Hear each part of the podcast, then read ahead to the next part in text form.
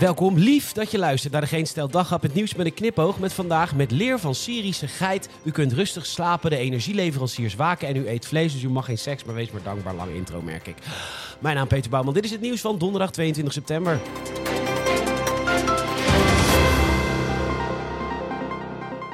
Hm, Het was dus de bedoeling dat er ehm, gisteren gewoon een daghap zou verschijnen.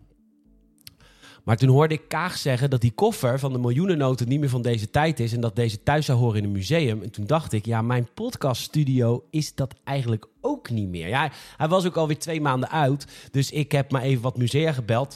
Nou ja, niemand wilde het hebben. Ja, Rijksmuseum vindt het gek dat er niemand kon kijken naar die oude troep. Maar goed, dus toen heb ik, eh, heb ik het helaas weg moeten gooien en een nieuwe gekocht. Ehm, het nieuwe mengpaneel is afgewerkt met eh, geitenperkament. Eh, leer van Syrische geit. Ja, die hebben vaak zo'n leuk gestippelde kleur.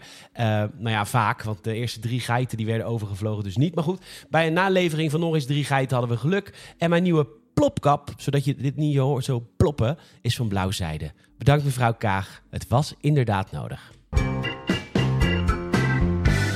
Kiekse joh. Essent en Eneco, vooral die laatste. Ja, die verhoogt even de stroomprijzen met 50% en de gasprijzen met 30%. En waarom zouden ze het ook niet doen? De overheid gaat ze toch wel betalen, wat ze ook maar vragen. En als dat niet het geval is, dan kunnen ze deze maand in ieder geval nog even hun variabele klanten volledig uitkleden.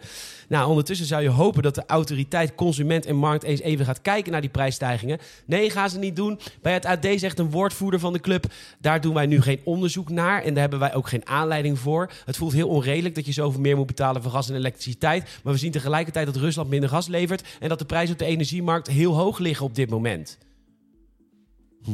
Ja, geen aanleiding voor onderzoek omdat ze op het journaal hebben gezien dat Rusland een boefje is. En ze geloven de energieleveranciers op de blauwe oogjes. Diezelfde bedrijven die direct stopten met vaste contracten. Opeens ongeveer per drie maanden de prijzen veranderden. En nu miljoenen euro's extra winst klokken. Ja hoor, die zullen het beste met die voor hebben. Stel, je maakt een computerspelletje dat zich afspeelt in het jaar 1700 nog wat. En dus kun je in dat computerspel op walvissen jagen. Want dat, eh, dat kon toen en dat gebeurde toen heel veel.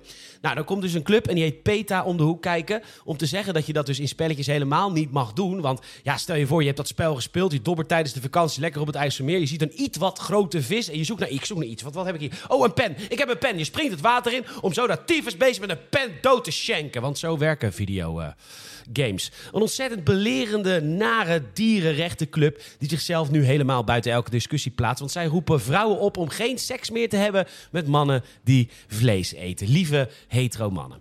Eh, ja, minder vlees eten is natuurlijk absoluut goed voor de wereld. Maar laten we eerlijk zijn, met deze types wil je helemaal geen seks. Eh, type, ik douche niet, ik maak mijn eigen deo met kokosvet. Ik ben wie ik ben, dus ik doe helemaal niks aan mijn uiterlijke verzorging. Behalve dan mijn paarse haar, de lage bloeddruk, dus altijd moe en geprikkeld. En dan komt dan lijkbleek van het eten van quinoa en bonen bij je in bed liggen. Kijk, ik snap heteroseks niet, maar volgens mij verliezen jullie helemaal niks aan hetero mannen. Hetero mannen, bier, helikopters, kuttelikken, Volvo, mijnbouw. Dat is toch hoe jullie praten, toch? Van welke school zei Baudet nou weer waar Kaag heeft gezeten? Dat, klopt toch helemaal niet? We weten toch allemaal waar ze heeft gezeten? Luister maar.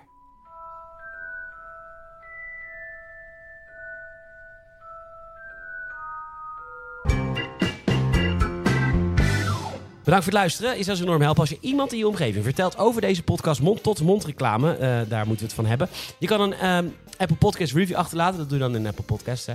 Dat kan ook in Spotify. Het eigenlijk wel zonde, want we hebben 69 reviews. Nice.